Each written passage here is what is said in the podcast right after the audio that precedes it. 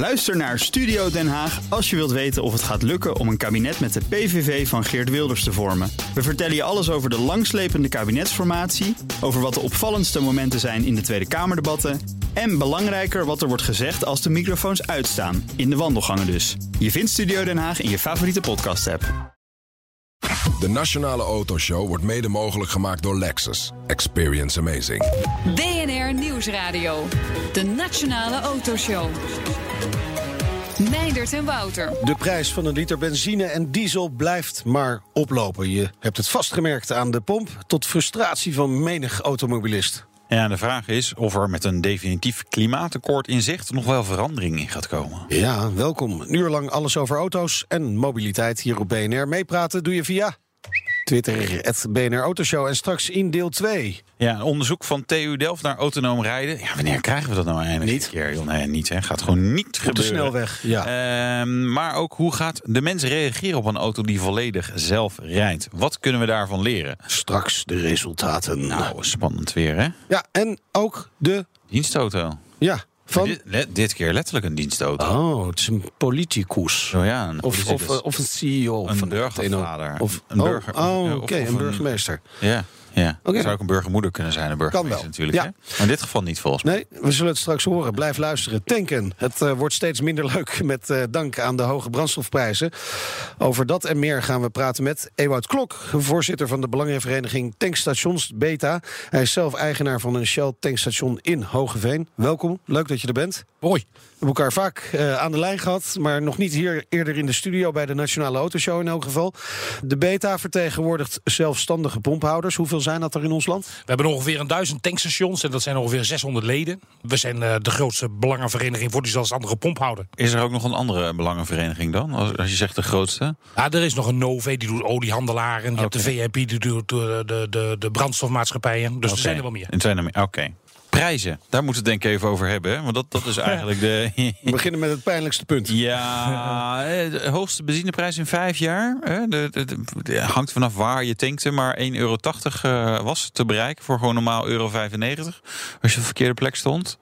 Ja, dat is landelijk adviesprijs is dat. Ja, en in Hogeveen? Eh zitten we op 1,68. Dus daar, daar wordt wel korting bent- gegeven. Ja, wat het zeggen. Kijk, in, in, in Nederland dan zijn we echt, hebben we eigenlijk best wel mazzel. Want, eh, Sorry? Ja, ja, Ja. ik zal je vertellen dat, Ja. dat die concurrentie hier is heel moordend. Dus al die pomphouders geven een massaal korting. ja. Ja. Dus aan, als je het zo bekijkt, hebben we mazzel. Ja. Alleen aan die hoge olieprijzen kunnen we eigenlijk niet... Maar, niet maar zoveel wat, wat hou je over dan aan zo'n litertje benzine?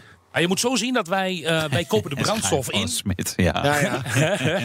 Nee, wij kopen de brandstof in tegen een verkoopprijs. Ja. Dus net, net zoals eh, wij aan de pomp de prijs betalen, eh, kopen wij het ook in. Dus als je zeg maar een blikje cola koopt, eh, die koop ik in voor een x bedrag en ik zet Ja. daar mijn marge op. Ja. Dit is anders. Ik koop de brandstof in en ik haal mijn marge eraf, als het ware. Dus ik krijg zeg maar voor- even voor het gemak 15 cent korting, koop ik het in. Nou, en dan is het aan mijzelf hoe duur ik die brandstof ga verkopen. Neem ik genoegen met 1 cent marge, neem ik genoegen met 5 cent marge. Ja. Ja. En hoeveel? Hoeveel marge doen de meeste onafhankelijke tankstationhouders? Ja, nou, nou eh, ik zal je vertellen dat de meeste dat tegen een inkoopprijs wegzitten. Ja. Kijk, Waarom? de Maar inkoopprijs, dan verdien je toch niks? Nee, maar dat doen we weer door middel van de shop. Ah, Kijk, en als dat niet uit kan, daarom zie je ook zoveel erop pompen. erbij. Ja, dat is Ja, deze keer. tuurlijk, dat brengt Ja. ons de marge. Over concurrentie gesproken trouwens, wel een mooi verhaal. Ik was eh, vor- vorig jaar zomer in Luxemburg. Toen dachten we, oh, misschien wel leuk. Dan gaan we even die goedkoopste tank eh, in Luxemburg zoeken. Maar in Luxemburg zijn echt de benzineprijzen door heel Luxemburg exact hetzelfde. Echt gewoon... dat is wel makkelijk. Ja, Ja. maar da- daar, is, da- Maar daar is het ook anders geregeld. Kijk, wa- wat, je, wat je ziet, en dat is natuurlijk ook het grote verschil met Europese landen. Je ziet eigenlijk zomaar die staatjes van waar tank je het goedkoopst. En dat is vaak Luxemburg. Ja. Je zit natuurlijk met de accijnsstructuur die wij hier ook hebben. Als ik Ja. je vertel dat ongeveer 70% van de brandstofprijs accijns is. Ja. Dus je krijgt- 70 Nee, dat klopt toch niet? Van Nou, een liter brandstof is 44% is accijns, toch? En daar overheen komt dus de BTW. Het is Ja, oké. statelijke belasting. Nou, dat is belastingen. Ja, Ja. Oké, eh, de overheidsgelden zijn ongeveer 70%. juist. Oké. Ja. Nou, dat is echt veel. dat is heel echt veel. belachelijk veel. Ja. En je ziet in omringende landen zie je ook wel een andere accijnsstructuur. België bijvoorbeeld, hoe hoger de olieprijs, hoe lager de accijnzen. Maar ja, goed, dat is per Europees land verschillend. Maar daar kunnen we op zich in Nederland natuurlijk heel makkelijk iets doen. We kunnen een tijdelijke maatregel, die is ooit ingevoerd, kunnen we terugdraaien. Het kwartje van Kok. Ja. Dat zit er namelijk ook nog bij. Hè? Ja. Dan haal je 25 cent ervan af. Nou ja, het zal geen 25 eurocent zijn. Hè? dat Nee, moet weer twa- nou, neem, neem eens 12 eurocent. Ja, Ja, Daar wordt aanzienlijk goedkoper van. nou, ja. Behoorlijk, ja. Dat tijdelijke is nu toch wel een keer tijdelijk genoeg geweest, Ja. zou je zeggen. En wanneer Ja. is het ook weer ingevoerd? Dat is eh, 91, denk ik, zo'n beetje. 90, 91. Zoiets. Eh, Ja, Wim ja. Kok was, eh, was minister-president in die tijd. ja, dat was een goed idee van hem. Heel goed. Ja, het idee was heel goed. Ja, om eventjes eh, wat extra geld binnen te halen. Ja. Dat Ja, doen we maar al dat, eh, dat, 20 dat jaar. gaan we dus nooit eh, kwijtraken. Ja, maar goed, kijk, de, de, de heilige koe is ook wel een keer uitgemolken. En eh, als we dan naar de brandstoftransitie kijken, die nu, eh, die nu eh, voorstaat. Er stond vanmorgen een heel artikel ook in het FD. Dat dat kapot gesubsidieerd wordt. Dan is het natuurlijk. eh, dan kun je erop wachten, er moet geld komen. Dan kun je erop wachten dat er wat gaat gebeuren. Het zij een BPM die omhoog gaat, het zij accijnzen die omhoog gaan. Het Ja. moet betaald worden. Kapot gesubsidieerd, dan heb je het over elektrisch, eh, elektrisch rijden bijvoorbeeld. Elektrisch rijden nu op dit Ja. moment, ja. Kijk, eh, wij, je, je moet zo zien, er moet een, er moet een markt komen. Maar wacht, markt wacht komt even. wel. Hoe, hoeveel procent van de auto's is nu elektrisch in Nederland, Wouter? Ja, Bedoel je ja, hybride of helemaal Nee, elektrisch? helemaal elektrisch. Helemaal. Maar, oh, je neemt hybride mee in de concurrentie. Ja, dat wordt ook gezien als een elektrische auto. Kan je ook elektrisch rijden? Ja, dat is waar. Maar de meeste tanken natuurlijk gewoon. Nee, ik weet niet hoeveel volledig elektrisch is. Dat is, eh, maar dat is, dat, dat, ja, dat is. Ah, het is marginaal nog, Ja, hè, toch? Het is ja. nog niet eh 10 Eh, nee, nee, Nee, het is ook nog geen staat 5 800. procent. Nee, nee, nee. Het is minder dan een procent volgens mij. Ja, We kunnen het precies. Dus op zich zou je ook kunnen beweren... ja, die, die pomphouders kunnen daar toch nog niet echt veel last van hebben... als maar 1% nog niet eens 1% van de auto, ele- auto's elektrisch is. Volledig elektrisch, hè? daar heb ik het even over. Ja, nee, nee, nou goed, dan praat je over nog minder procenten. Maar de- wij hebben er nu geen last van. En wij zullen er ook geen last van krijgen. Sterker nog, wij zien dat als een kans. Het is echt pure idioterie dat wij, dat onze branche niet uitgenodigd wordt aan de klimaattafels. Want ze zijn ons straks nodig. Ja, waarom? Want jullie zijn de duivel. Jullie zijn eh, alles. eh, Ja, dat denken ze. Ja, ze letterlijk met die diesel met zwavel. Alles wat, ook alles wat maar ruikt naar benzine, wordt Ja. niet uitgenodigd. Nee, nee, maar maar ik bedoel, dat is, bedoel, maar benzine is, eh, je, je steekt het in de fik. Ja, dit is iets complexer in een auto, maar eh, het wordt, ja, het wordt CO2. Het heet een Het verbrandingsmotor. heet een verbrandingsmotor. Het zijn kleine explosies eigenlijk. Ja. Dus ja, per definitie. Je maakt het wel heel spannend nu. Nou ja, nee, maar ja, dat, is, dat, is, dat, is- dat is ook de bedoeling van de radio. Dat. Nee, maar jullie, wat kunnen jullie bijdragen dan aan, aan een klimaatakkoord? Want ja, die liter benzine die gaat niet opeens veel milieuvriendelijk worden. Dat blijft gewoon een liter benzine. Ja, maar stel nu dat die brandstoftransitie doorzet. Stel Ja. nu, ik neem je mee naar 2050. Dan rijden we allemaal elektrisch. Ja. Als je al die elektrische auto's, als die op hetzelfde moment gaan tanken. En let wel, in 2050 zal ook die batterij meer capaciteit hebben. De wereld is dan wel veranderd op Ja. elektriciteitsgebied. Maar je moet allemaal op hetzelfde moment tanken. Dan moet je toch een plaats hebben waarbij je die auto vollaadt. Nou, Ja. Wat zie je nu gebeuren in onze handel? Ja. Dat er heel veel tankstations die breiden zich uit met een lunchroom. Dat doen ze niet voor niks. Dat doen ze ook om al klaar te zijn straks voor die nieuwe transitie. Ja. Want als je elektrisch tankt, duurt dat gewoon een gemiddelde tankbeurt langer. Kun je bij ons zitten? We Ja. hebben heerlijke verse broodjes. Ja. Nou, zo heb ik je plugt je computer in. Ja, vorige week vrijdag zat ik inderdaad naast een fastnet eh, ding eh, te laden en een broodje te eten met mijn laptop inderdaad. En toen zei die meneer of ja, als je daar in de hoek gaat zitten, dan kan je je laptop inpluggen. Ik zei, nou, de batterij van de laptop is niet het probleem deze week. Nee, precies, precies. Maar, eh, dus, dus dat is de rol die jullie zouden eh, willen spelen. Zeggen we, joh, wij kunnen zeg maar snel laat, eh, eh, ja, gewoon die infrastructuur. Hè, als je niet thuis laat, dan moet je ergens anders laden. En dat, dat zou bij jullie kunnen zijn. Nou, die zouden we niet willen spelen. Die moeten we denk ik gaan spelen. Maar waarom Ja. doen jullie dat niet al? Want Fastnet doet het. Wij proberen dat tussen de oren te krijgen, ook bij lokale bestuurders. Kijk, wij zijn zelfstandige pomphouders. We Ja. zitten meestal in het onderliggende wegennet, dus niet aan Ja. de snelweg. Wat doen we dan? Wij hebben als belangenvereniging ook een standaard brief opgesteld. Daar kun je als lid van ons kun je daarmee naar de, naar de wethouder toe. En je gaat een gesprek aan met die wethouder en je legt hem uit van... wethouder, wat jullie allemaal doen met die laadpaaltjes... het is allemaal leuk en aardig, het is Ja, voor het beeld maar je hebt mooi. gewoon snellaadstations nodig. Maar En mensen gaan eigenlijk, eh, hè, want dat weten we ook, dat weet jij ook als, als, als zelfstandig pomphouder. Mensen gaan eigenlijk bijna altijd op dezelfde plaats tanken. En dat zal met elektrisch laden zal het ongetwijfeld hetzelfde zijn. Want je kunt niet bij elk huis zo'n paal neerzetten. Nee dat, dat, nee, dat kan niet. En wat je nu ook ziet, dat is in, in een straat, er staat zeg maar één laadpaal. En er rijden vijf mensen, rijden of hybride of elektrisch. Zit je de hele tijd op je app op te kijken of die paal een keertje Ja. vrijkomt. Ik heb het al wel eens meegemaakt. Kijk, en dat zijn nu, dat is, het probleem, dat is het probleem van nu. Dat gaat wel veranderen. Maar je kunt niet op elke straathoek een laadpaal neerzetten. Daar kan een stroomnet ook niet aan. Dus daar, je bent daar locaties voor nodig. En wij zijn al helemaal, wij zijn al ingericht. Wij kunnen dat aan. Wij, zijn er mee, mee- wij werken er elke dag mee. Om juist die mensen te bedienen. Maar je loopt tegen besluitvorming van plaatselijke bestuurders aan. Wij lopen tegen onkunde aan. En wij proberen eh, ook de kennis te brengen bij die wethouders, maar ook bij het, eh, bij het ministerie, dat ze met ons meedenken. Zometeen, de beta wil dus aan tafel als het gaat om klimaatafspraken. Maar ja, komt er niet binnen. Hoe gaan we dat veranderen? En een nieuwe aflevering van de... De dienstauto van een burgervader. Du- du- du. BNR Nieuwsradio. BNR, de Nationale Autoshow. We gaan door met het nieuwsoverzicht van deze week, Wouter. En het gaat gebeuren. Ja. Formule 1, keer terug in Nederland, in Zandvoort. Ja. Aannemers, architecten schijnen allemaal al eh, opdrachten te hebben gekregen. Dus er loopt van alles, maar het is- zit vooral nog allemaal onder de radar. En dat schijnt er ook wel een beetje mee te maken hebben dat de FOM, hè, de Formule 1-organisatie, die wil zelf Ja. eh, de aankondiging doen. Hè. Dus die, die communiceert op een gegeven moment de nieuwe agenda voor 2020. Ja. Eh, en ja, daar staat dan Zandvoort er Ja, bijvoorbeeld en dan opeens op. wachten ze natuurlijk eh, tot de Grand Prix, de duizendste Grand Prix eh, in China Ja, voorbij is. Want en- die wil daar de aandacht niet van afleiden. Dus de Ja. duizendste. Ja, en dan daarna, ja, het zou kunnen. Maar het kan ook zomaar zijn dat ze in de zomer pas eh, iets eh, gaan roepen. En dus dat is... waarom zou het dan eventueel nog zo lang duren? Omdat toch nog niet alles rond is? Dat ze wel willen, maar dat er toch nog een centenkwestie is? Of krijgen we dat circuit nou, dat op tijd af? Ja, nou ja, dat was altijd mijn grote vraag. Circuit op tijd af. Maar daar zijn ze dus schijnbaar al mee bezig. In Ja. ieder geval de tekeningen en de plannen. Ja, waarom nog wachten is denk ik ook omdat je ja, toch nog met allerlei partijen in onderhandeling bent. Ja. En je allerlei, weet je, voor ons is het natuurlijk super belangrijk. Maar ja, weet je, op de wereldschaal is Zandvoort echt maar een heel klein vlekje. Dus nou ja, ze zijn nog even met andere dingen bezig. Het volgt later vast nog wel de communicatie. Amsterdam Circuit. Ja, Amsterdam. Ja, Amsterdam Beach. Amsterdam Beach.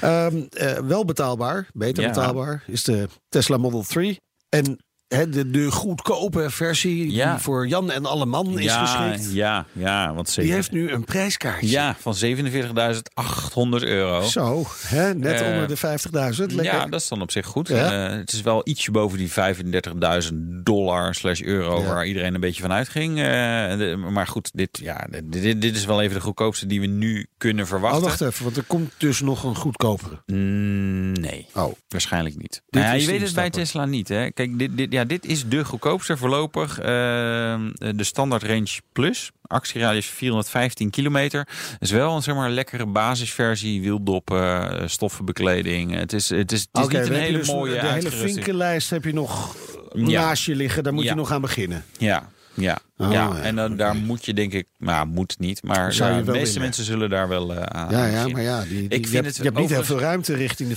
50.000 euro. Nee, ja, maar ja, mensen die toch echt druk maken over die laatste, als ze er 1000 euro bovenuit gaan, dan, eh, dan verdien je die auto ook weer niet. Oh, Oké, Toch? oké. Ja, het zijn jouw woorden. Ja. Eh, Lada, Ja. ook betaalbaar.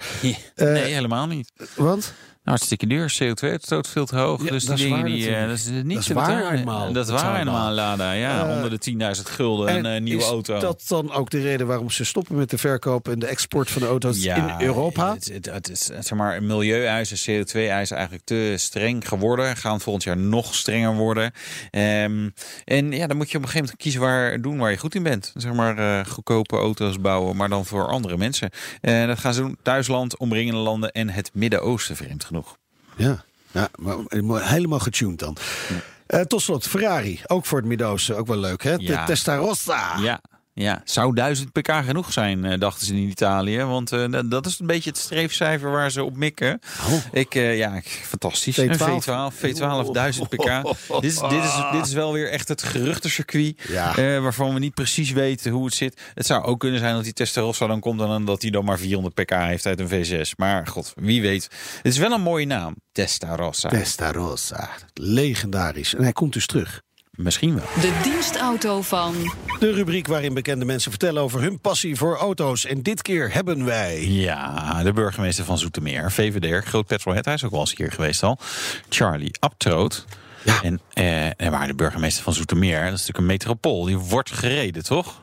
Nee, eh Zoetermeer eh, heeft eh, geen dienstauto. Het is wel zo, als ik een keer een heel druk programma heb... of een locatie die moeilijk bereikbaar is... dan word ik gereden. Dat is een contract met een taxibedrijf. Eh, maar ik rij over het algemeen zelf. En ik rij ook graag Ja, hij rijdt dus graag. Hij rijdt dus ook zelf, maar waarin? Ja, ik ben benieuwd. Eh, ik reed een Volvo XC60. Eh, ik heb al heel lang Volvo's. Eerst een aantal V70's en nu de tweede XC60. Ik ben wel eh, van diesel weer teruggegaan naar benzine. Omdat ik eh, minder rijd en ik vind het gewoon voor het milieu ook beter. Ja, nou ja, dat kan natuurlijk. Hè? Ja, Als je minder rijdt. Nee, ik vind je het ook elektrisch gaan rijden? Ja, maar je kan gewoon een heel zoete meer kan je prima op de fiets eh bereiken. Ik zou het niet weten. Is dat zo? Is Nee, ik denk het. dat niet heel gevaarlijk in Zoetermeer? Nee, maar het is ook niet zo heel groot. Nee, het valt wel Maar mee. niet heel klein. Het is een middelgrote stad. Ik denk dat elke burgemeester gewoon een mooie dienstfiets mag hebben. Ja, vind ik ook, ja. Je niet? Maar, en dan mag hij wel dromen, de burgemeester van de auto's. Dat is aardig. Charlie Abtroot, waar droomt hij nog van? Ik heb heel lang als droomauto Jaguar gehad. Die klassieke Jaguars XJ met die ronde koplampen heb ik altijd de mooiste auto gevonden. Maar de huidige Jaguars doen me eigenlijk niks. En nu zeg ik wel eens tegen mijn vrouw, ik zou misschien wel een cabrio willen. En dan een klassiek, een, eh, eh, een Saab cabrio. Ik heb voordat ik Volvo ging rijden een boel Saabs gehad. Maar dan zegt mijn vrouw, ja, een extra auto af en toe met mooi weer, dat gaan we niet doen. Dus die is wat verstandiger, dat is zo. Ja, maar nog even en dan gaat Abtroot met pensioen. Ja, hij zit wel onder de plak dus. Ja, duidelijk. Nee, dat mag niet van een vrouw. Hè? ja. Op het stadhuis mag de amsketting om, maar Ja, ja, thuis... oeh. eh, wordt hij in de kast. Ja, zo is dat. Eh, maar hij, hij wil wel iets in de autobranche gaan doen. Wie weet kan ik nog eh, reporter worden voor BNR Autoshow of zoiets. Want ik kan heel veel vertellen over heel veel auto's. Want ik lees altijd alles wat er op autogebied gebeurt. Oké, nou daar gaan we over nadenken. Ja, precies. En anders eh, voorzitter van de AWB, BOVAG, Graai. Ja, het zijn er best wel wat. eh, nou, daar zou hij die best geschikt voor zijn, denk ik. Ja. En, dan, en dan mag hij, als hij zo'n functie heeft, dan wordt hij zeker een keer uitgenodigd Ja, in de Nationale. Autoshow. Ja, dus dat is zijn komen. ticket om in deze uitzending te komen. Nou, wil je meer afleveringen horen van de dienstauto van? Check dan bnr.nl slash dienstauto. BNR Nieuwsradio. BNR, de Nationale Autoshow. We praten verder met Ewout Klok, voorzitter van de Belangenvereniging Tankstations Beta. Zelf eigenaar van een Shell ta- tankstation in Hogeveen. Even wat tweets eh, behandelen die binnen zijn gekomen. Eentje van Ad van der Meer. Die zegt, wel leuk Die is hè? van het elektrisch rijden. Die is behoorlijk van het elektrisch rijden, maar hij heeft wel een leuke tweet. Beta, dat is eh, bij het klimaatbeleid, is als een pyromaan bij de brandpreventie. Als je kennis in huis wil halen, ook misschien hoe als het niet moet, moet je ons uitnodigen. Alleen eh, wij denken het wel te weten. En wij denken juist van advies te kunnen voorzien. Ja, ja, een beetje. Dus als je zeker wil weten dat er niet bij je ingebroken kan worden, moet je eerst een inbreker inhuren om. Als wij dan de, inbreker, geven. eh, de inbrekersrol moeten spelen, dan graag. Mooi. Eh, dan ook wel een leuke van Anna van Egmond. Want we hadden het net over dat laden. hè, En dat al die tankstations lunchrooms aan het maken zijn. Maar wat nou als het waterstof wordt? Hè? Dan, dat tankt gewoon sneller. Dat tankt net zo snel ongeveer als eh, benzine en diesel. En eh, dan kun je lekker weer door Het grote met de volle verschil tank. met elektriciteit is dat je, eh, de- je kunt de paal op de stoep neerzetten. Ben je Ja. een waterstofstation, dan ben je echt een pomp nodig. Dus dan ben je, dan ben je voor onze jullie toch- helemaal nodig. Ja, dat is voor jullie prettig. Ja, Ja. eh, dus nogmaals, nodig ons dan uit. Wij hebben een inrichting al. Kijk. Kijk, daar komen we niet onderuit. We hadden nog een anekdote die we wel zouden willen horen over Wim Kok. Oh, dat, over dat beroemde kwartje van Kok. Ja. Ja, Ja. Dat, was, dat was wel grappig. Ons bedrijf bestond 25 jaar. Ja. En toen hadden wij een spaarsysteem, een spaaractie bedacht. Het kwartje van Klok. Mijn achternaam Klok. Ja. Lijkt op Kok. Ja. Dus we hadden dat kwartje van Klok hadden we ontwikkeld. Het is gewoon echt een, echt een kwartje. Ik, eh, ik- Oh, je hebt ze bij, hè? kijk, echt, ik zal maar de camera laten zien. Het is echt een kwartje. 25 liter krijg je zo'n kwartje, kun je gratis auto wassen. Oh, Oké, leuk. Dus wat was nou het idee? Als ik nou minister, eh, of toen, hij was al gestopt, hij was zelfs commissaris bij Shell. En die leverde bij ons de brandstof. Dus Ja. ik denk, weet je wat ik doe? Ik bel hem op en ik overhandig hem het eerste kwartje. Dat was voor ons ook een leuk mediamomentje. Ja. Dus ik bel hem op. Ik krijg de secretaresse van hem aan de telefoon, een wat oudere mevrouw. En die eh, mevrouw zei, nou, ik zal het hem voorleggen. U hoort nog van mij. Ik was gras aan het maaien, gewoon thuis, s'avonds. En ik krijg een telefoontje, onbekend nummer. Nou, meestal is dat BNR die belt, hè? Onbekende nummers. Maar in dit geval, ik neem op, wie was het? Wim Kok. Wim Kok zelf. Dus ik zeg, nou, wat een eer. Ja, zegt hij, maar zo'n eer is dat niet. Want waar haal jij het gorenlef vandaan? En hij was me een partij kwaad. En wat verdorie zeg je, ik ben er niet geweest, maar Zalm is het geweest. Het is eigenlijk het kwartje van Zalm. Ja, dus ik schrok me helemaal te pletter. Maar eh, de actie is bij ons echt eh, eh, doorslaand succes. Ja, Nog steeds. En een goed verhaal dus nog wel altijd. En we, we hadden het even over Shell, hè, want je hebt een Shell tankstation. Het bedrijf Shell biedt vanaf eh, woensdag de mogelijkheid om voor 1 cent per liter de CO2-uitstoot te compenseren. Is dat iets waar eh, jullie ook achter staan? Nou, natuurlijk. Kijk, het is een bewustwording. En dat doet Shell op dit moment heel goed. Je krijgt de keus. Je kunt dus bijdragen aan de terugdringen van de CO2 met, de, met een bomenplan. Dan word je bewust dat je daar ook voor moet betalen. Kijk, en, en uh, we vinden het allemaal leuk. Uh, uh, milieu is bij ons klimaatakkoord en noem alles maar op. Iedereen is voor. Behalve als het ons geld kost. En nu krijg je, je betaalt relatief een cent per liter voor een, een, een, een dat je meedoet met, dat, met het helpen van het klimaat. Vind ik die bewustwording vind ik een hele goede. Ja, maar wat doet Shell? De, verdubbelt Shell dat bedrag? De, die cent doen ze zelf er ook een cent bij? Of, of betalen wij het echt alleen maar als gebruiker? De premium brandstof, de V-Power tank, ja. zit er al bij in. Dan zit het er al bij in. En uh, je hebt nog het Maals en Mi met eermaals, zo'n spaarsysteem met cadeautjes en dergelijke. Dan kun je ook in plaats van een spaarflesje kun je, kun je ook doneren. Maar uh, ze, ze gebruiken dat geld voor bomen in Ecuador, maar ook in Nederland. Er zijn allemaal uh, espen, die gaan hier dood. Ja. Dat gebruiken ze er ook voor. Dus ja. ah, het is, het is, het is een goede maar, actie. Maar meer een gebaar dan echt iets wat zoden aan de dijk gaat zetten, kan ik me voorstellen. Nou ja, een gebaar, het is bewustwording. En dat is wel belangrijk. Wij, wij hebben allemaal een mening. We hebben de laatste provinciale verkiezingen hebben we ook gehad. Het was duidelijk een, ik vond het duidelijke keuze tegen of voor het klimaat. En dan krijg je vaak discussies dat alles zoveel geld kost. Maar ja, milieu kost geld. En als het, en dat nieuwe rijden kost ook geld. Dus ja, laten we dan maar bewust worden van dat het ook echt daadwerkelijk okay. geld kost. Maar is, is 1 cent per liter compenseert dat daadwerkelijk iets? Of zou het eigenlijk 10 cent of 50 cent nou, zijn? Shell is marktleider, dus ik denk wel dat het, uh, dat het toe bijdraagt. De, de, de, nee, oké, okay, maar is het genoeg? Ik bedoel, want als, nee, het is nooit genoeg. Natuurlijk nee, is het niet okay. genoeg. Oké. Okay. Okay, duidelijk. En, en dan komen we dus bij die klimaattafels. Hè? Want ja. er moet dus gewoon meer gebeuren. De beta zat dus niet aan tafel uh, bij die klimaattafels over die onderhandelingen. We hebben het eigenlijk nog niet over gehad. Waarom niet? Jullie zijn gewoon niet uitgenodigd, maar hebben jullie ook bericht gekregen van nou, jullie, jullie stinkers moeten we niet? Nee, nee uh, ik heb het min of meer gezegd. Alles wat naar brandstof ruikt, alles wat naar benzine ja. ruikt, nodigen ze niet uit. Aan de andere kant is het ook heel veel onkunde. Voor mij weten ze half hoe die markt in elkaar zit. Uh, ze weten dat ze wat moeten doen. De, het moet elektrisch gereden worden. Waterstof is ook semi-elektrisch, hè? Ze weten, volgens mij weten ze geen raad met hoe wij erin staan. Ze denken dat bij, dat bij voorbaat wij al tegen zijn omdat fossiel eruit gaat. Maar dat is dus geen zin zwaar. Sterker nog, wij zien hier een kant. Wij waren vroeger allemaal uh, kolenboeren. Nou, er is geen enkel tankstation is meer uh, waar je kolen kunt kopen. Nee. Dat is allemaal benzine geworden. Nou, die transactie staan we nu weer voor. Ja, dus dus jullie, jullie, jullie doen graag mee? Heel graag mee. Sterker nog, het is van levensbelang. Het, uh, Uiteindelijk, ik denk, kan ik me ik voorstellen. Denk om, het, om de klimaatdoelen te halen van levensbelang. Maar voor ons is het de kans, ja, ik wil ook graag geld verdienen. Waarom zetten jullie nu niet al dan gewoon massaal snelladers neer voor elektriciteit? Het, het, blijft natuurlijk een commercieel, uh, commercieel iets. Ja. Uh, wat je ziet is dat er nu heel veel laadpalen door gemeenten worden neergezet. Uh, in elke woonwijk staan er wel twee, drie. Ja. Dat zijn allemaal laders. En ik, als ik technisch word, moet je het zeggen. Maar dat zijn 50 kilowatt laders. Dat zijn drup. Nou, ze vallen onder de noemer snellader. Maar het is geen snellader meer. Nee. Wat er straks Eens. moet gebeuren. Je moet dadelijk 350 kilowatt laadpalen hebben. Die kosten ongeveer 2 ton per stuk. Als je die hebt, dan ben je met 10 minuten heb je de tank weer vol. Nu moet je uh, met 20 minuten kun je weer 40 kilometer rijden.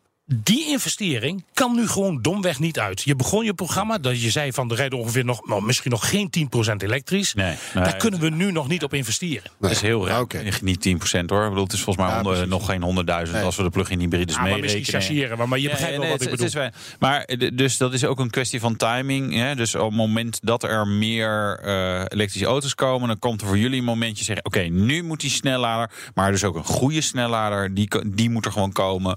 En we halen één diesel pomp weg en daar komt die snellader staan. Wij, wat, wat je van. nu ziet gebeuren is dat er, uh, er wordt subsidie in die handel gepompt. Wat is kip en ei verhaal, dat snap ik. -huh. Er wordt subsidie in gepompt. Die subsidie die, die mislukt aan alle kanten.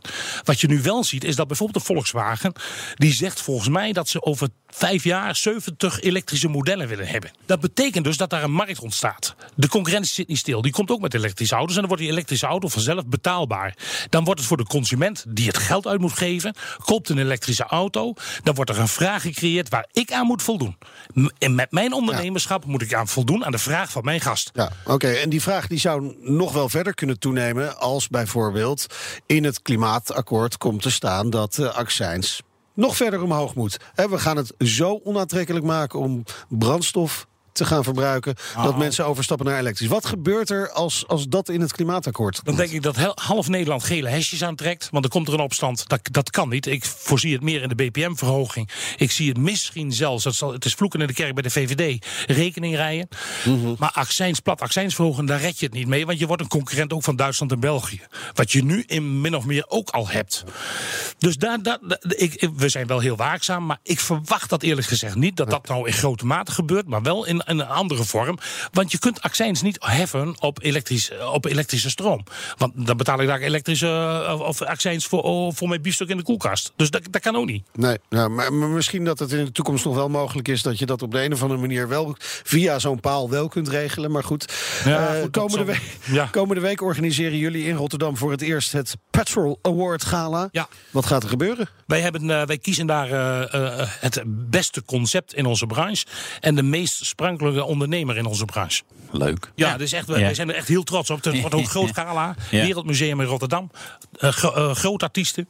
Dus wij pakken het groots aan. Maar het wordt echt een heel leuk spektakel. Ja, Mooi. Wel gaaf. Dank voor je komst naar de studio. Ewout Klok, voorzitter van de Belangenvereniging... Tankstations Beta en Pomphouder in Hogeveen. En Zometeen gaan we het hebben over de impact van de zelfrijdende auto op de mens. Ja, en Wouter die test de Range Rover SDV8 Long Wheelbase.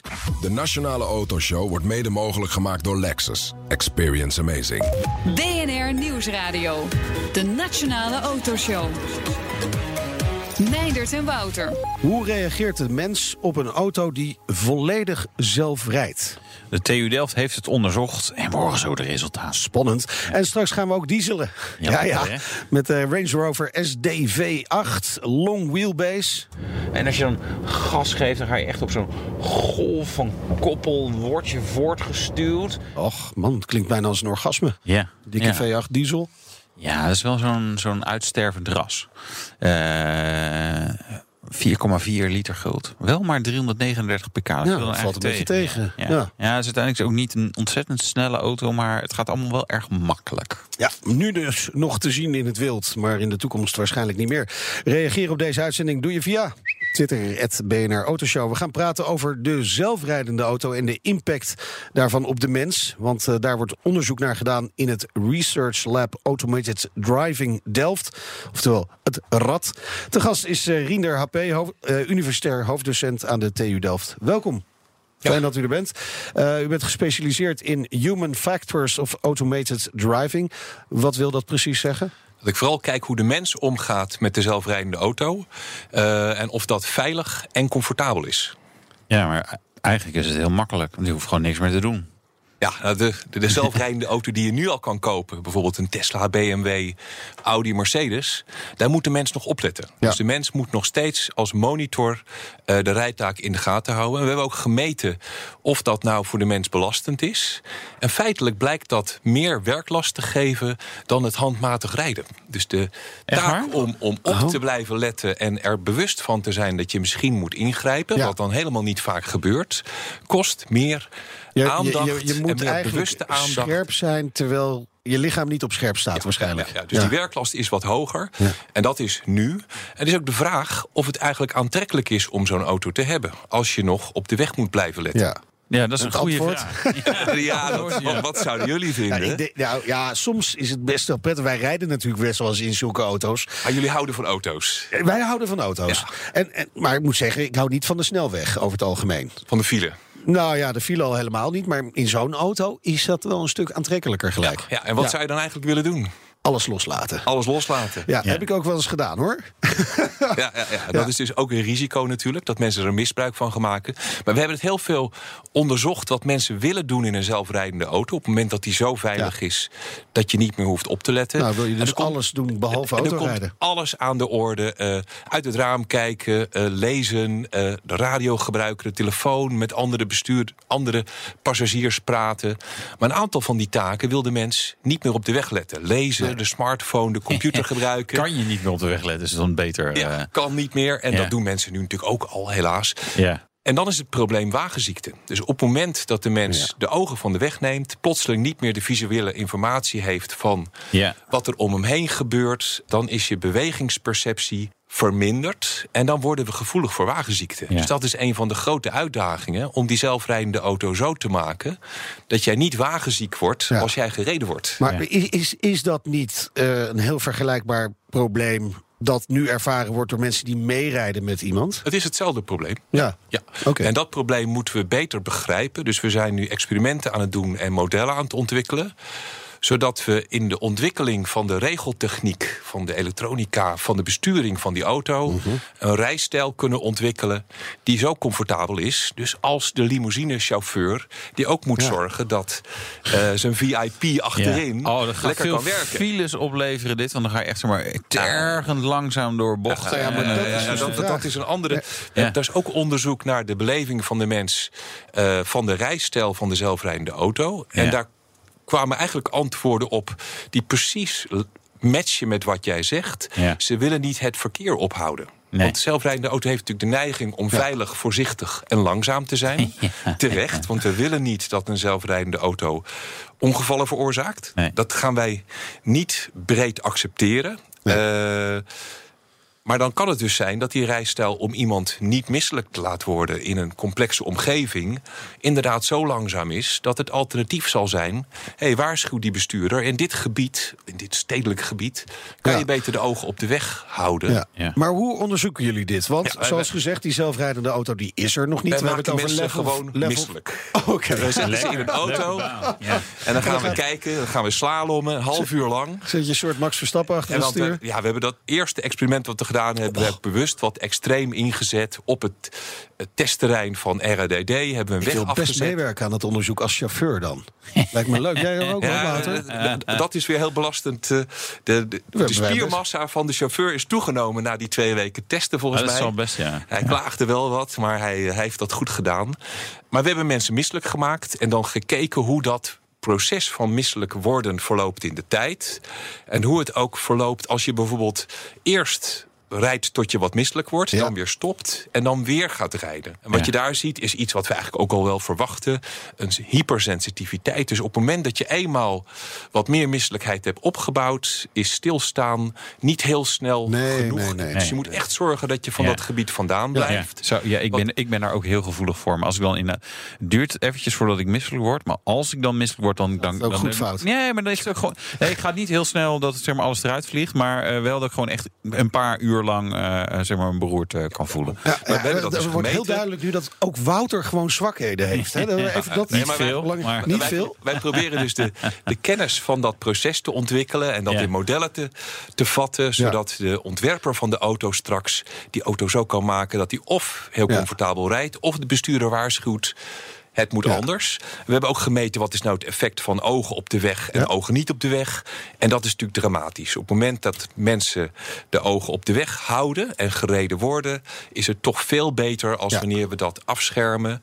Eh, Ja. Is ook bekend, maar nu hebben we dus goede meetdata om die modellen te ontwikkelen. Ja, maar als ik niet de ogen op de. Als ik de ogen op de weg moet houden in een zelfrijdende auto, dan. Ja, wat heb ik er dan aan? Ja, maar er is een aardige tussenoplossing die ook al eh, bewezen is. Als we nou een monitor op ooghoogte plaatsen in plaats van op je schoot, Ja. dan heb je sowieso biomechanisch een betere houding. Dus ook Ja. die, verticale beweging van de auto leidt dan niet tot een knikken van het hoofd. Je hebt Ja. minder nekbelasting. En je ziet naast dat scherm de horizon. Ah, oké. Dus Dus als je ik. ziet perifeer zie je nog een beetje hoe de auto en jouw lichaam zich beweegt in Ja. de ruimte. En op het moment dat dat het geval is, dan is jouw visuele informatie over je beweging Ja. weer kloppend met het evenwichtsorgaan. En dat is juist het verschil met die ogen in de auto. Dus straks in de film moet ik gewoon een laptop op mijn dashboard zetten en dan typen. En dan... En wij- ons on- En dat bewijs ik naar u. Er- zijn ontwerpen van eh, interiors van auto's waar gewoon die hele auto verandert in een soort kantoorruimte of relaxed ruimte. Ja, en, maar- en daar willen we ook naartoe. Dat je dus echt dat stuur eh, en het dashboard op een gegeven moment niet meer hebt Nee. of opzij schuift op het moment dat dat nodig is. Er zijn ook studies gedaan van in hoeveel seconden of delen van seconden kan zo'n stuur weer terugkomen. Ehm, en dan kan je dus die monitor Ja. en die touchpad kan je daar plaatsen waar je wil. Ja, maar, maar is het dan voor iedereen opgelost? Want je zei net ook al, eh, eh, de reacties van de mensen is behoorlijk verschillend. Dus er er is veel verschil hoe Ja, mensen erop reageren. Kijk, je begint natuurlijk op de snelweg. Ja. En in een, een monotoon snelwegverkeer, daar is de uitdaging natuurlijk ook wat minder dan op een slingerige, Ja. slingerende weg in, in de bergen. Dus Begrijp daar ga je toch al heel gauw ga je een rijstijl vinden die, die goed is. We hebben ook gemeten met bijvoorbeeld een Tesla anderhalf jaar geleden hoe goed het comfort is. Mhm. Als je de automaat aanzet of de bestuurder zelf laat rijden. Ringweg van Amsterdam, van Amsterdam naar Lelystad. De Tesla doet het al een factor 2 beter dan de mens. Echt waar? Je rijdt, als je kijkt naar de grootste deel van de tijd, zijn de versnellingen, de niveaus van voorwaartse en zijdelingse versnellingen, zijn een factor 2 lager. Dus hij rijdt gewoon vloeiender. Ja. Die, Maar de mens heeft meer binair gedrag van Ja. gaspedaal rem. En de, de automaat doet dat beter dan de Ja. gemiddelde mens. Er zijn natuurlijk ook mensen die dat ook heel goed kunnen. Met Nou, uitzondering van een paar momenten. En dat is dat de auto te laat reageert. Ja. Dus betekent, grootste deel van de rijtijd gaat het goed. En misselijk worden gaat Op de, recht, groot- op de rechte stukken ja, waarschijnlijk. maar ook wel met veel verkeer hoor. Dus er gebeurt best wel het nodige. Het grootste deel van de rijtijd gaat het goed. En dat Ja. is van belang voor misselijkheid. Ja. Maar een enkel moment reageert hij te laat. En dan heb je even een schok, omdat hij een auto voor je invoegt. En hij remt Ja, wat later en abrupter. Dus dat Ja. is discomfort, Maar als je- ja. geen misselijkheid. Oké, maar als je dit zo hoort, dan, dan is Tesla er dus behoorlijk bewust mee bezig om dit goed op te lossen. Wij hadden toevallig een Tesla. Ik, we, zijn, we hebben ook ik- andere voertuigen ja, gemeten. maar Ik ben, dus benieuwd, zijn, fabrikant, zijn fabrikanten hier eh, bewust mee bezig inderdaad? Ja, ja, ze zijn er volop mee bezig. Ik ben ook bezig met een groot projectvoorstel. En we zijn met allerlei autofabrikanten en toeleveranciers in contact daarover. Ik ga ook in augustus een workshop organiseren op dit gebied. Al die autofabrikanten hebben minimaal één onderzoeker die ermee bezig is. Eén jonge onderzoeker. Eén jongen, dat is iets te weinig misschien. Hè? Ik denk het. Zometeen, de TU Delft wil dolgraag vervolgonderzoek doen. Waarom, hoor je zometeen. En je hoort een rijimpressie in de Range Rover SD V8 Long Wheelbase. BNR Nieuwsradio. BNR, de Nationale Autoshow. We gaan weer rijden. De rijimpressie. Ja, en Wouter die mocht eh, testen met de Range Rover SD V8. En vanwege zijn lange benen in de Long Wheelbase. Zo. Ik rij op stand rond. Gewoon letterlijk op stand. En dit is geen SUV, hè. Dit is een Range Rover. Echt heel iets anders. Ik zou er bijna zo gaan praten. Maar dit is wel echt een briljante auto. Dat behoeft natuurlijk enige toelichting. Ik ben niet zo'n enorme fan van SUV's. Want zij zijn zwaar, hoog, duur, langzaam, onzuinig. Maar als je er dan toch voor gaat, dan kan maar beter het ook meteen goed doen. En dat is wel het geval met deze Range Rover. Dit is de SDV8 Long Wheelbase. Is een lange versie. Bijna 20 centimeter voor de wielbasis erbij. En 20 centimeter lengte extra. Dus dit is wel een forse jongen. Nogal heel erg fors. Maar dat maakt hem ook weer zo ontzettend briljant. Want dat betekent dat je gewoon echt achterlijk veel ruimte achterin hebt. Echt gewoon dat je denkt, ja, een verlengde 7-serie. Nee, dat, dit, dit is much, much better. En dat was ook een beetje de aanleiding om met deze auto te gaan rijden. Ik werd een keer geshutteld. eh, ging naar het 70-jarig feestje van eh, Land Rover, het bestaan ervan. En daarna ben ik teruggereden naar het vliegveld. In zo'n Range Rover long wheelbase. En dacht ik, ja, dit is wel lekker. Dit is echt wel goed. Die is natuurlijk wat hoger. Instappen is dan ook makkelijker. Maar je kan hem dan ook wel ietsje naar beneden laten zakken met de luchtvering. Maar ja, ergens leek het mij een veel betere auto om je in te chauffeuren dan in zo'n nou ja, vrij modale Jaguar XJ, Audi A8, Mercedes S-klasse, BMW 7-serie, nou noem het allemaal op. En die chauffeur van destijds zei ook van ja, ik zie wel dat veel van mijn collega's en hij zelf dus ook die stap maakt naar een verlengde Range Rover, omdat dat gewoon ja, het is gewoon nog beter. Waarom dat nog beter is, kan ik je ook wel uitleggen. Je hebt gewoon beter uitzicht. Het is natuurlijk ook lekker als je achter het stuur zit. Maar gewoon alles is zeg maar, net even wat groter gedimensioneerd dan bij normale auto's. Dus ook drempels en zo, eigenlijk allemaal niet zo'n probleem. Offroaden kan je ermee. Maar je kunt er ook 180 of 200 mee op de autobaan rijden. Ja, het is heel groot. Ja, het is heel zwaar. En nou ja, het is dus de SD V8. Dus het is een V8 en met een D erin. Dus het is een diesel. Tokkelt lekker, zeg maar, eh, er vandoor. Ik rijd nu 120 en dan nou ja, zit hij net boven stationair. Nou, iets boven stationair, 1200 toeren. En als je dan gas geeft, dan ga je echt op zo'n golf van koppel. Word je voortgestuwd met een heel licht V8 roffeltje op de achtergrond. En pas als je echt vol gas geeft, dan denk je, ja, nu maakt hij... Herrie is het niet. Maar hoor je wat meer geluid. Ehm, het is overigens niet mega snelle auto. Want hij heeft wel 339 pk, en 740 Nm koppel. Maar dat is voor een 4,4 liter diesel V8 ook weer niet waanzinnig veel. En voor het soort auto eigenlijk ook weer niet. Maar het voelt wel gewoon lekker relaxed. En die achterbank. Het is echt ontzettend briljant. Stoelen die zeg maar, ook lekker verder onderuit kunnen zitten. Met massagefuncties, noem het allemaal op alles. En tegelijkertijd is het ook gewoon nog een normale achterbank. Want ik dacht, hé, hey, ik wil eigenlijk drie mensen meenemen achterin. Ik denk, hoe gaan we dat doen? Nou ja, dan maar twee achter één gordel. Maar de middenarmsteun kan je gewoon elektrisch omhoog klappen. En dan heb je daar gewoon een derde zitplek. Elektrisch omhoog klappen. Ja. Doe Mooi, even normaal. Nee, dit, dit is een auto voor als je niet normaal Nee, dat is waar. Ja. Ja. Ja. Dus dat is denk ik ook wel de essentie. Ja. Nee, heerlijk. Ja. ja, jij vond het echt heel fijn Ja, allemaal. Ja. Ja. Ja, en ook gewoon fijn. Weet je, dan zo'n autodeel. Ik rij niet altijd even netjes. Maar dat je dan wel gewoon nog steeds 800, 900 kilometer op een tank. En dan denk je op een gegeven moment. Oh, misschien moet ik een keer eh, kwart tank nog maar. Nou, oh, ik kan nog 200 kilometer achter. Weet je. Hoef niet, eh hoef nog niet er nu al te tanken. Nee.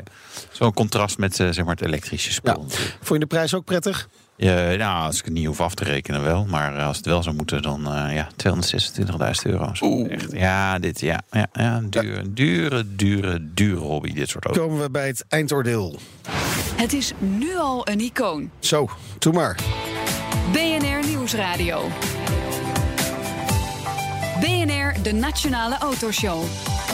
En te gast is eh, Riender HP. Hij is universitair hoofddocent aan de TU Delft, gespecialiseerd in human factors of automated driving. Eh, nieuwe auto's kunnen eigenlijk al best wel veel als het gaat om ja, soort van autonoom rijden. Hè. Eh, Het is eigenlijk meer. Ja, maar ja, hoe zeg je Een dat beetje dan? zwanger. Ja. Een beetje zwanger. Ja, Ja. dat bestaat ook niet. Nee, het is een beetje autonoom rijden. Maar toch niet. Dit Ja, het is het is meer ondersteund. assistentie. Ja, Ja. toch? Ja, we hebben nu een, eh, iemand die er verstand van heeft. We hebben het altijd over levels als het gaat om autonoom rijden. Vijf is het ultieme level. Hè. Dan kan die auto echt alles zelf. Ja, en overal. En overal, dus ook in de stad, Ja, is dan het ja, idee. ja, Eh, waar, waar staan we nu? Ja, level 2 is te koop. Dus de, de voertuigen waar ik het net over had, Ja. gewone duurdere personenauto's, die sturen en eh, regelen de snelheid op de snelweg. En zijn daar dus level 2, maar je moet de ogen nog op de weg houden. Ja. Tegelijkertijd is de industrie volop bezig met 3 en 4. En 3 betekent ogen van de weg. Als de auto het vraagt, moet je nog wel de controle erover Ja. nemen. Bijvoorbeeld bij de afrit of een kritische situatie in het verkeer of, of het weer. Ja. Lijnen op de weg die niet meer zichtbaar zijn. Een lastig geval. En bij 4 is de auto nog steeds niet. Kan niet overal rijden. Nee. Maar op het moment dat de bestuurder niet meer reageert op een verzoek om de controle over te nemen, zorgt de auto voor een veilige afwikkeling. Oké. En dat kan dus een personenauto zijn, gewoon met stuur en pedalen, die Ja. op de snelweg zelfrijdende functies heeft en waar je dus fijn kan lezen als we dat misselijkheidsprobleem goed oplossen. Precies. Ja. Ja, maar level 4 is ook een andere tak van sport. En dat zijn de voertuigen zonder stuur en pedalen, de, Ja, ja. de busjes. Die rijden ook al. We hebben bijvoorbeeld eh, met de provincie Gelderland een zelfrijdend busje ontwikkeld. Daar zit geen stuur en pedalen meer in. Dat is echt ontworpen om straks de kosten van de chauffeur eh, niet meer te hebben. Dus een betaalbaar en flexibel openbaar vervoer te regelen. En die rijden ook. Ja, We de rijden- zogenaamde POTS zijn de dat, hè? pots, ja. we rijden natuurlijk nog wel met een veiligheidssteward. Want we zijn nog aan het aantonen dat het veilig Maar is. die veiligheidssteward Maar de- is een stuk goedkoper dan een chauffeur. Nee, die veiligheidssteward is helemaal niet goedkoop. Maar het doel is duidelijk. Eh, de, de echte meerwaarde is gewoon economisch. Ja. Eh, een flexibel en betaalbaar OV. Eh, En hoe ver zijn jullie daarmee? Die rijden en die hebben in Die eh, Ede, Ede, Ede-Wageningen gereden, op, op- bijvoorbeeld op de campus. Ja. Andere stukken waren toch, toch best wel complex. Dus daar eh, met druk verkeer, daar zijn ze nog niet aan toe. We rijden nu in het airport Wezen met dezelfde shuttles. En zijn Ja. bezig met een vervolgvloed. met enorm veel ruimte. Dan is het Daar makkelijk. is er best veel ruimte, ja. Dus dat is geen interessante showcase. Maar we hebben best wel complexere situaties gereden. Met ander verkeer. Eh, en zijn bezig met een ehm, wat geavanceerder voertuig, wat ook wat sneller kan. Een wat groter is, wat meer zitplaatsen, wat dan tussen Aken en Vaals eh, moet gaan rijden. Ja, ja, want volgens mij was dat inderdaad wel echt een groot probleem met deze pot. Dat die bijna ingehaald werd door wandelaars. Ja, we hebben wel gehad dat die ingehaald werd door fietsers. Ja, oké. Niet door wandelaars, Nou, dat kan ik mij niet herinneren. Hardlopers En dan dan. hadden we ook een comfortprobleempje. Want kijk, dat voertuig heeft natuurlijk de neiging om heel veilig Ja. te reageren. En abrupt te remmen. Ja. Dus dat was ook een comfortprobleem, niet een mensen met hun wagenziekteprobleem. gezicht tegen de ruit. Nee, is gewoon niet, het is gewoon niet prettig Nee. als er binair geremd wordt. Ja. En dat hebben we natuurlijk ook kunnen oplossen door gewoon het inleiden van het remmen Precies. wat langzamer te doen, waardoor het Ja, comfort al level beter is. 2 is nu dus te koop. Eh, level 3, 4, dat gaat er wel aankomen. Hoeveel jaar nog? Is valt daar Eh, iets over te zeggen? Ja, Audi zegt dat hun huidige voertuig Ja. dat eigenlijk al kan Ja. met een komende update. Maar, De fabrikanten hebben tot vorig jaar gezegd 2020 en dat schuift steeds zo'n beetje op. Ja, ja. Maar ik heb wel het idee dat we er heel dichtbij zitten. De- en level 5? En level 5 moet je helemaal niet, niet druk over maken. Dat duurt toch zo lang. Maar dat is ook niet belangrijk. Kijk, wat belangrijk is, is wanneer we er echt wat aan gaan hebben. En het moment dat we overal kunnen komen met een voertuig zonder stuur en pedalen... ja, dat duurt heel lang. Maar dat wil niet zeggen dat we niet al binnenkort eh, voordeel hebben van de zelfrijdende auto. Ja. En wat handig is dat je dan dat je eigen kotzakje kan vasthouden. Want je hoeft niet het stuur vast te houden. Want dat, We gaan, dat we gaan het oplossen, hè? Ja, we gaan het oplossen. We gaan Want het dat is, het, oplossen. dat is het, het, het vervolgonderzoek eigenlijk. Hè? De, vo- de volgende stap die jullie ook willen gaan doen. Van, joh, hoe, hoe, ja, wat moet je dan, dan, dan gaan, gaan, gaan ontwikkelen om, om, het, om het beter te maken? Ja, dus de, we, we weten wel de richting van ontwikkeling. Dat is een, eh, een betere rijstijl, waarschuwing van de bestuurder... Ja. eh, en de juiste plaatsing van je monitor en van, van Ja. andere interfaces. Eh, maar wat wij als TU Delft vooral willen doen... is de methode ontwikkelen en de kennis Ja. ontwikkelen. De modellen van hoe je misselijk wordt... die dan door de auto-ingenieur weer gebruikt kunnen worden... om hem eh, te ontwikkelen. Ja, maar en willen jullie dan ook zo ver gaan dat je al kunt voorspellen van goh, hey, je hebt nu, auto heeft nu een rijgedrag gehad. Hey, let op, Ja. bestuurder. Ja, ja, nu ja, moet je eigenlijk is- gaan kijken. Het is eigenlijk alsof je ons projectvoorstel Ja, eh, hebt gelezen. oh, dat is precies, Nee, eh, niet. precies Nee. de richting. Nou kost dat natuurlijk wel geld. Zo'n Ja, zo'n onderzoek. Hè? Dat, dat- dat is nou eenmaal. Is, is dat geld er? Ja, dat geld is er. Eh, we zien dat de industrie wel bereid is om voor dit soort onderzoek te betalen. Maar we doen het ook vooral graag in consortia... waarbij je en een investering vanuit de industrie ziet... en een investering vanuit eh, de overheden. Ja, en vanuit de Nederlandse en Europese subsidies... zijn daar eh, best goede mogelijkheden voor. Oké. Oké. En, en de, vanuit het bedrijfsleven, welke partners zijn er? We hebben een heel aantal autofabrikanten waar wij mee samenwerken, onder andere Toyota. Ehm, maar we werken bijvoorbeeld ook met lokale overheden samen. Kijk, ook de, Ja. zo'n zo'n provincie Gelderland neemt zo'n initiatief. We hebben de metropoolregio Rotterdam-Den Haag, andere provincies. Die zijn volop actief in het onderzoeken en stimuleren. En wanneer gaat dit onderzoek van start? We zijn hebben, jullie al begonnen? we, we hebben allerlei onderzoeken die al lopen. en ik hoop januari nog weer een forse te starten. Dus dat blijft doorgaan. Wij blijven benieuwd. We houden het in de gaten. Dank voor de komst naar de studio en heel veel succes met het onderzoek.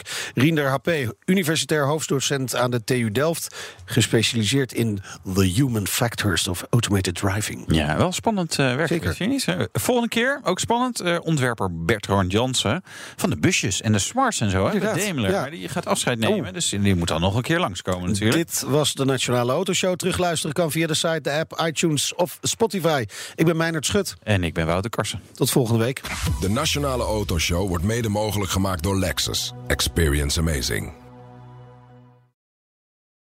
Ook Diana Matroos vind je in de BNR-app. Ja, inderdaad. Je kunt live naar mij luisteren tijdens de Big Five. Ook handig in de BNR-app. Breaking nieuwsmeldingen, maar ook het allerlaatste zakelijke nieuws. En je vindt in de app alle BNR-podcasts, waaronder Wetenschap Vandaag. Download nu de gratis BNR-app en blijf scherp.